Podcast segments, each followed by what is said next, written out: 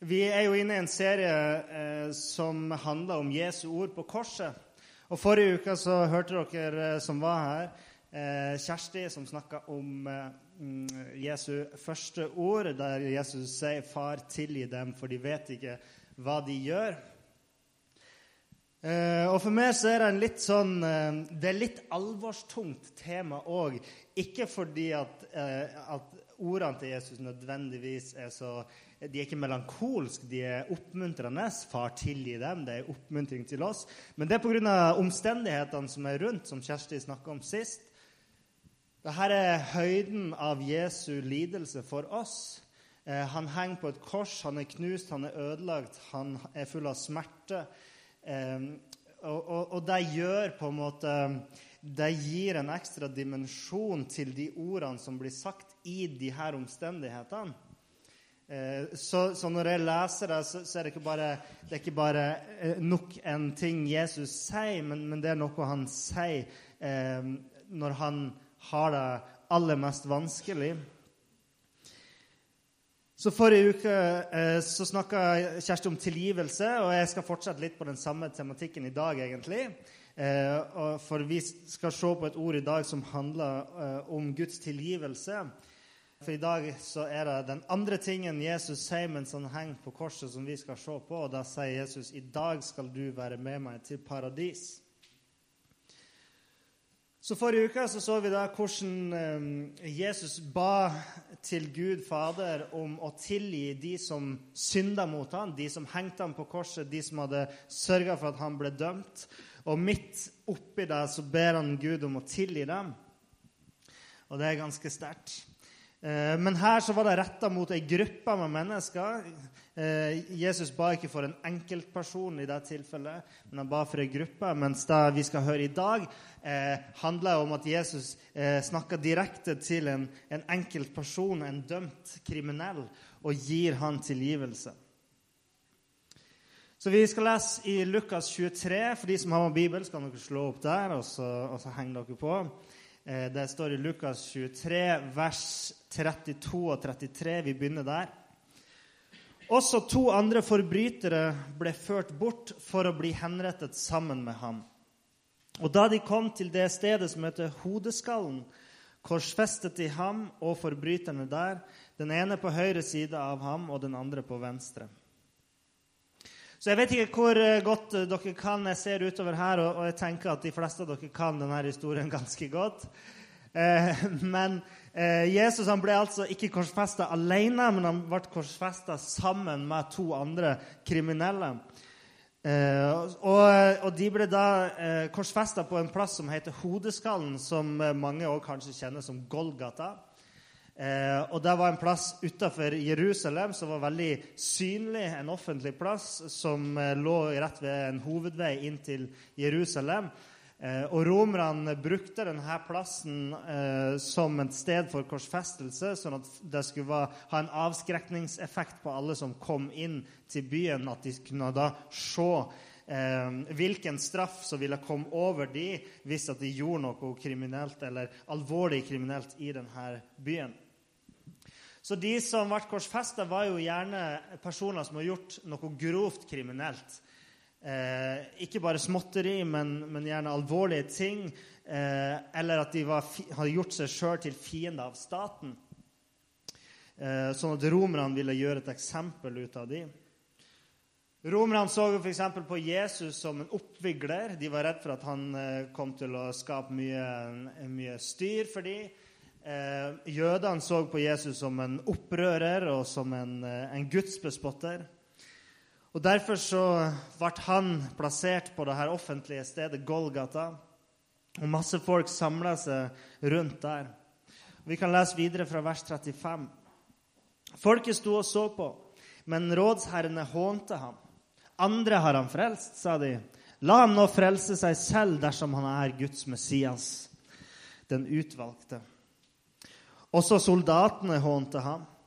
De kom og rakte vineddik opp til ham og sa, 'Er du jødenes konge, så frels deg selv.' For det var satt en innskrift over ham, 'Dette er jødenes konge'. En av forbryterne som hang der, spottet ham også og sa, Er ikke du Messias? Frels da deg selv og oss. Mange av de menneskene som hadde kommet dit til den korsfestelsen, de hånte og spotta Jesus. Først så ser vi at det er de jødiske lederne som eh, gjør narr av han, og som sier at hvis han faktisk har frelst andre mennesker sånn som han sier han har gjort, hvis han faktisk har tillit i og har den makt og autoritet som han sier han har, så kunne han vel frelse seg sjøl. Da burde det ikke være noe problem for han å ta seg sjøl ned fra korset og bare knipse med, med fingrene og sette seg sjøl fri. Men det var ikke Guds plan. Og en av de her forbryterne som eh, henger på korset og hører på de her menneskene som håner Jesus Så til tross for at han sjøl er døden nær, så henger han seg på denne mobben, og så sier han til Jesus, 'Er ikke du Messias? Frels da deg sjøl og oss.'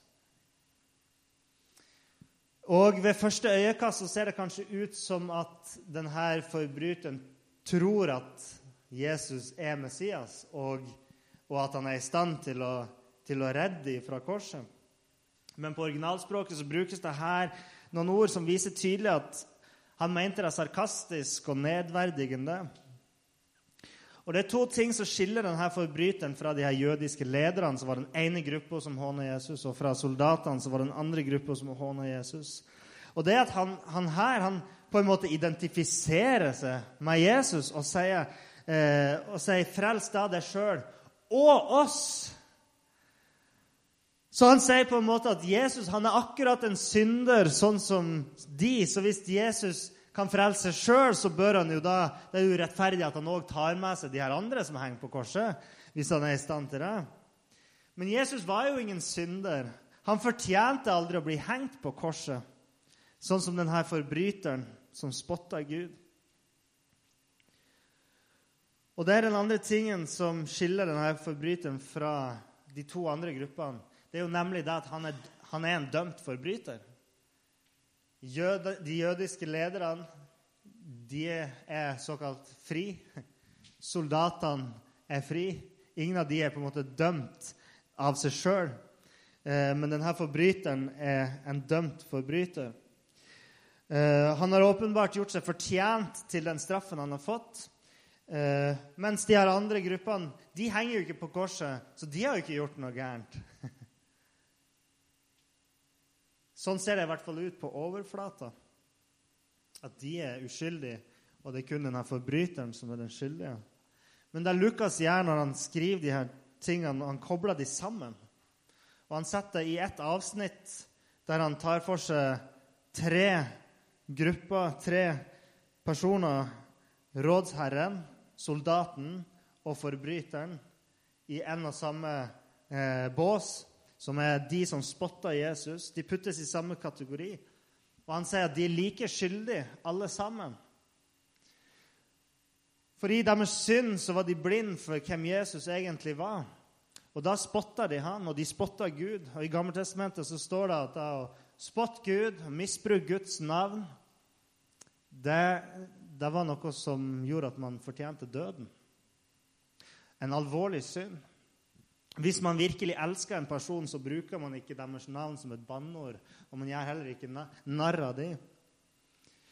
I 2. Korinterbrev 4,4 så står det For denne verdens gud, altså Satan, har blindet de vantros sinn, så de ikke ser lyset som stråler fram fra evangeliet om Kristi herlighet, han som er Guds bilde. Hvis de noensinne hadde sett Gud, så var det i Jesus. Han var Guds bilde. Men deres synd hadde blinda dem. Eh, Jesus han ga ingen respons til de som hånte ham. Det står ingenting i Lukas om han ga dem den minste oppmerksomhet, eller at han brydde seg om det overhodet. Men eh, han visste at de her menneskene tilba en falsk gud. Ja, men jødene tilba jo Gud, gjorde de ikke det? Vel, de hadde skapt et bilde av sin egen gud i sine hjerter. Eh, de, Jeg vet ikke hva de romerske soldatene trodde på, men ingen av de så på Jesus som Guds bilde. Jødene hadde sine egne forventninger om eh, hvordan deres frelser kom til å være, hvordan Gud kom til å eh, gripe inn for å redde dem. Og verken jødene eller romerne eller forbryteren kunne noensinne tro at Gud ville vise i et menneske som ble korsfesta. Og i hvert fall ikke at hans død skulle bli menneskehetens redning. For hvordan kunne han her være menneskehetens redningsmann når han hang på et kors og blodig, skada, ødelagt? Dette kunne ikke være Gud, tenkte de. Men det var profetert at Gud kom til å vise for dem på en uforståelig måte. I Jesaja 29 der står det «Eh, Derfor vil jeg fortsette å forundre dette folket på underlig og underfullt vis. Da skal visdommen til de vise forgå, og klokskapen til de kloke skal skjule seg. Og Paulus han sier i 1. Korinterbrev 1,18.: For ordet om korset er dårskap for dem som går fortapt. Men for oss som er frelst, er det Guds kraft. Og Det er akkurat sånn det er. For noen de nekter å tro på evangeliet. De jødiske lederne de nekta eh, å tro at Gud kunne dø på et kors. Og noen de nekter å tro at de er syndere, så de sier at de trenger ingen frelser. Og noen tenker at Gud han har skapt meg sånn som jeg er, med de lystene jeg har. Så da må det jo være sånn at han vil at jeg skal være sånn. Noen han, de nekter å tro at Gud bryr seg om mennesker er bare et støv i universet. Hvordan kan Gud bry seg om meg? Og Ofte så setter vi vår egen moral over Gud og enten forkaster Bibelens ord om synd, for vi vil ikke høre av det, eller vi gjør teologiske krumspring for å tilpasse Bibelens budskap til våre egne overbevisninger. Fordi at i bunn og grunn har vi satt våre egne moralske standarder over Bibelen og sier at dette kan ikke stemme jeg, jeg, føler at jeg har lyst til å være en løgner og en tyv, da kan ikke det være sant, det som står i Bibelen. Så da vrir vi litt på, på betydninga, og så tilpasser vi det sånn som jeg vil at det skal være.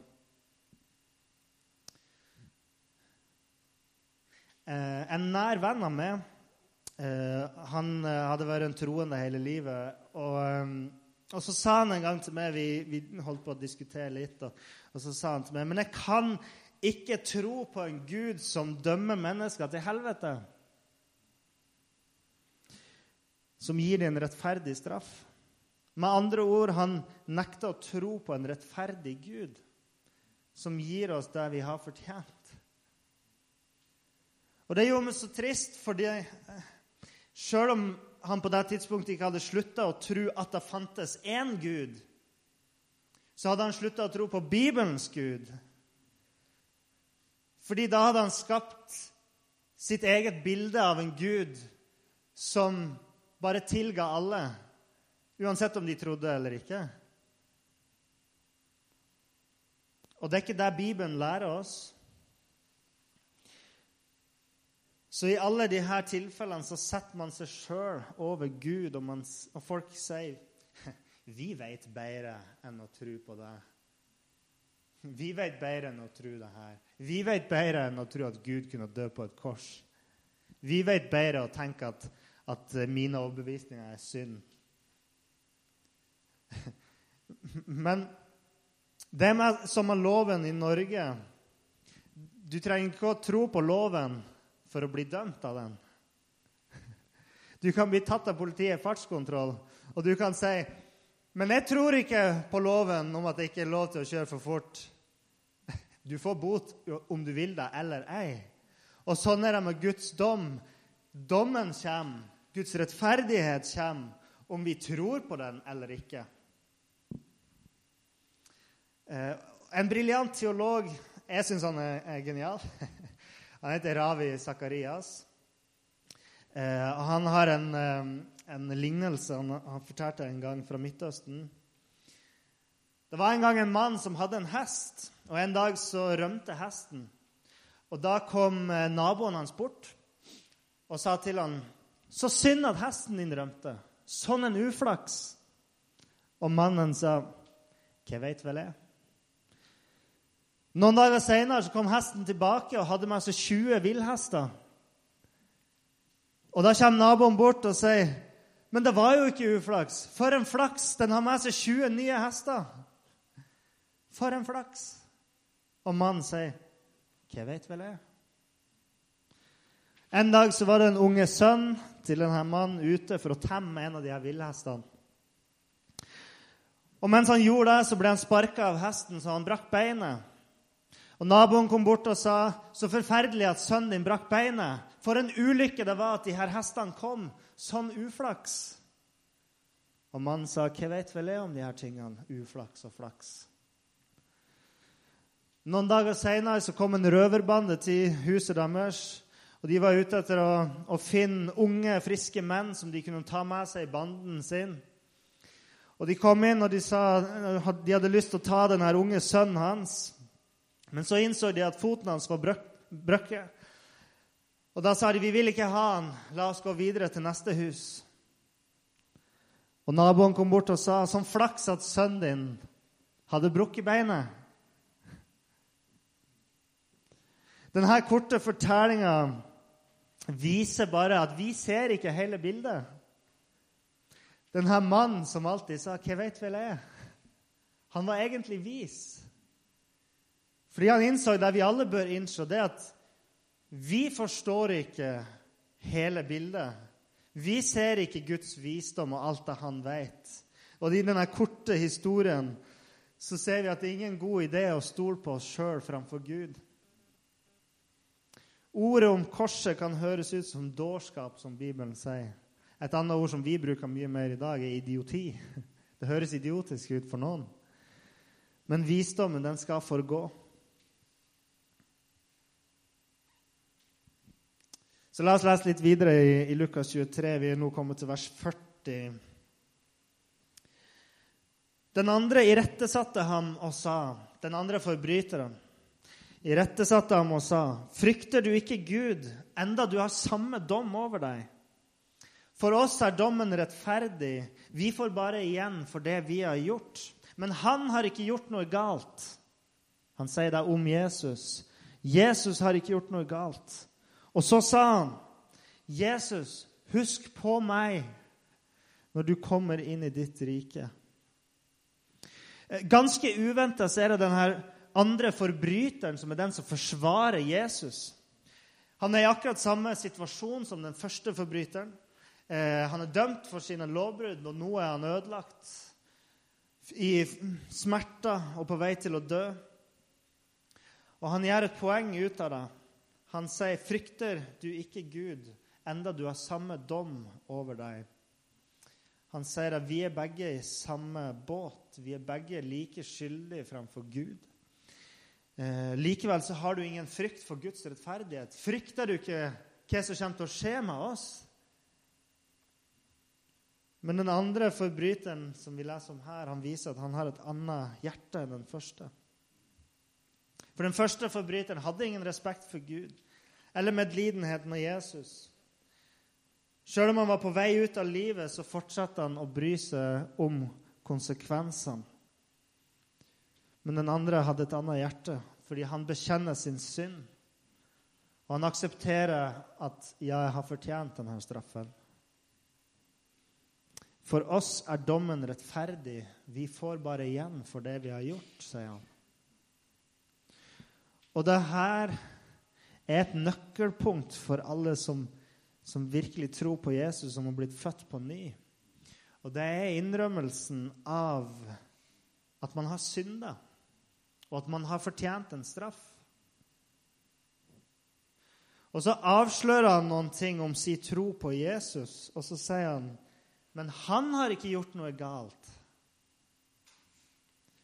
Han har fått eh, det vi må kalle guddommelig, eh, en guddommelig innsikt. Det er noe som er diametralt forskjellig fra den første forbryteren. Eh, nemlig det at den første hadde fortjent straffen. Den andre forbryteren erkjenner at han har fortjent straffen. Den første erkjenner det ikke', den andre erkjenner det'. Og så er det noe helt forskjellig mellom de og Jesus, fordi Jesus hadde aldri gjort noe gærent og fortjente ikke å henge på korset. Jesus han var uten synd. Og denne, for, denne andre forbryteren, som nærmer seg døden, han ser bare ett håp. Eh, og det håpet, det er Jesus. Og da vender han seg til Jesus, og han bruker de siste kreftene han har, til å komme med sin ydmyke bønn. Jesus, husk på meg. Bare husk på meg når du kommer i ditt rike. Eh, og Jeg har lest de her versene sikkert 50 ganger eller mer den siste uka. Og jeg blir like bevega av å lese det hver gang. Kanskje til og med mer.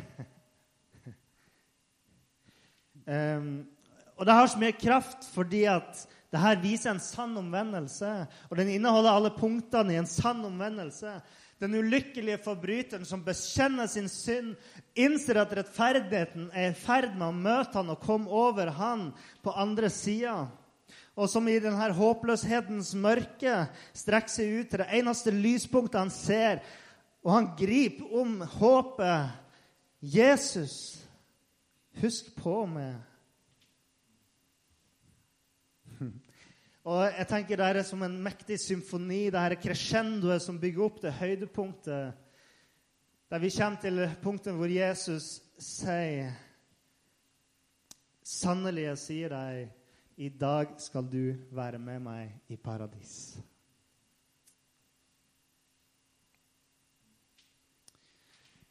Eh, Kjersti hadde rett da hun sa i den første preken at vi godt kunne ha starta denne serien med en liten preken om eh, Guds lov. Mosloven, de ti bud. Jeg hadde en preken om det på Connected for litt over ei uke siden. For å forstå oss sjøl må vi speile oss i Guds lov. Vi må speile oss i den standarden Gud har satt for menneskene. Ok? Vi tror at vi er gode, men Gud han har en høyere standard enn vår egen. Mange kristne du spør de, er du et godt menneske. Ja, jeg syns jeg passer godt menneske. Noen ganger snakker vi, og det er, ikke, det er ikke for å si at det var noe gærent med innledninga her, men noen ganger så snakker vi om, om oss og så de der ute i den ødelagte verden. De som gjør så forferdelige ting, som, og så kanskje tenker man underbevisst litt om seg sjøl at men, men, heldigvis er ikke vi så ille. Men vi, vi trenger ikke å høre mer enn de ti bud engang for å skjønne at vi er ikke gode nok. Har dere noen gang løyet? Dere trenger ikke å si det er ikke et offentlig skriftemål. Dere trenger ikke å svare, men dere kjenner i deres eget hjerte hva som er sant. Har dere noen gang løyet? Da er du en løgner. Løgnere arver ikke Guds rike. Har du noen gang, har du noen gang stjålet noen ting, om så bare en drops i en dropskål som ikke tilhørte det? Det er en tyv. Har du noen gang sett på en mann eller en kvinne med begjær i ditt øye? Da er du, da er du utro i ditt hjerte. Har du noen gang misbrukt Guds navn? Da er du en gudsbespotter. Gudsbespotterens lønn er døden, sa Det gamle testamentet. Guds lov avslører hva vi er. Paulus sa uten loven så ville jeg ikke visst av synden. Men akkurat som en kriminell som ikke ønsker å være i nærheten av politiet, så er det mange mennesker som kjenner Guds lov i sitt hjerte, men som ikke vil vite av Gud fordi de ønsker ikke å bli dømt. De vil ikke kjenne hans dom og hans rettferdighet. Så de skaper sin egen lov som de kan speile seg i, et speil der de liker speilbildet. Der de ser at de er gode mennesker. Men de som sier at de er gode mennesker, vil aldri vende om til Jesus og si 'Husk på meg når du kommer til Guds rike'. Gode mennesker trenger ingen frelse. Gode mennesker vil aldri innse hva Jesus har gjort for dem. Det er nesten en viss ironi i det som står i Lukas 17, 33. Den som prøver å sikre sitt liv, skal miste det. Men den som mister det, skal vinne det. De som prøver å redde seg sjøl og viske ut Guds lov og skrive over sin egen lov, de kommer til å miste livet. Så hva kan vi gjøre?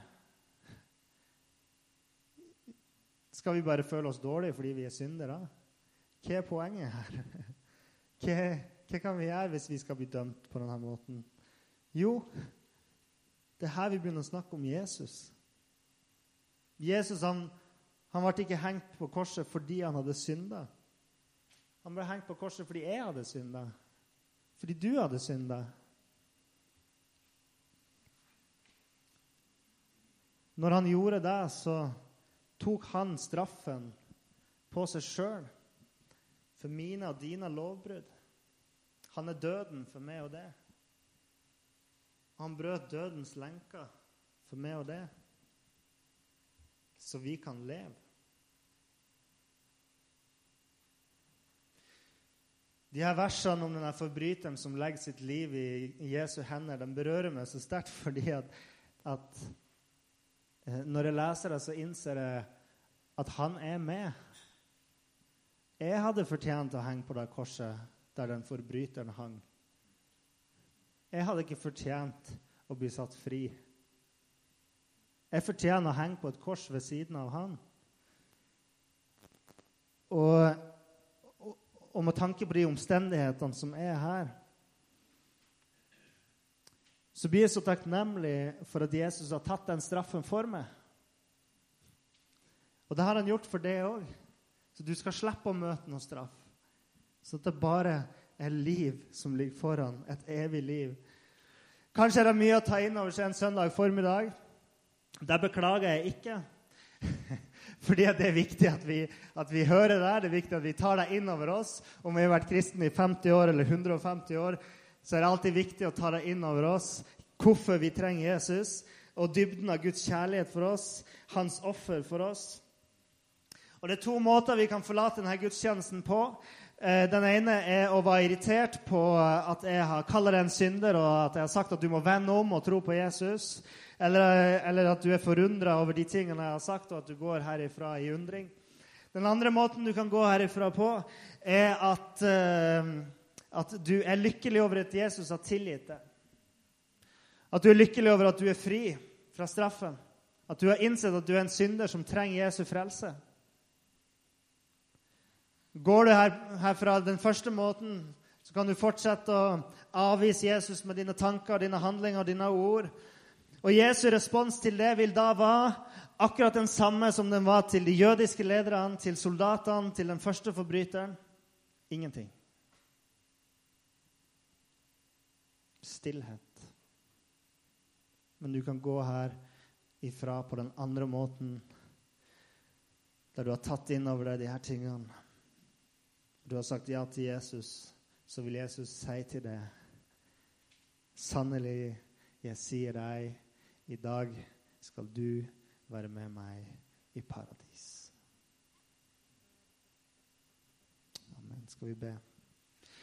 Himmelske Far, i dag så står jeg her jeg er bare så takknemlig for ditt offer. At jeg som en forbryter skulle slippe å henge på det korset sammen eh, med de andre forbryterne. Men at jeg kan få lov til å bare bøye meg ydmykt og, og si jeg er hjelpeløs. Jeg trenger det, Herre Far. Jeg ber deg, Far, om at uh, med din ånd så kommer du og griper tak i hjertet til de menneskene som er her i dag. Herre, jeg ber om at du skal overbevise alle oss om hvem vi er, og hvorfor vi trenger det, Herre Far. Og la oss se at du er et lys i mørket. Synden har ikke vunnet over oss. Vi trenger ikke å gå herifra som nedbrutte syndere, men vi kan gå herifra som, eh, som oppbygde eh, mennesker med et nytt liv, Herre. Fordi at du tok straffen for oss.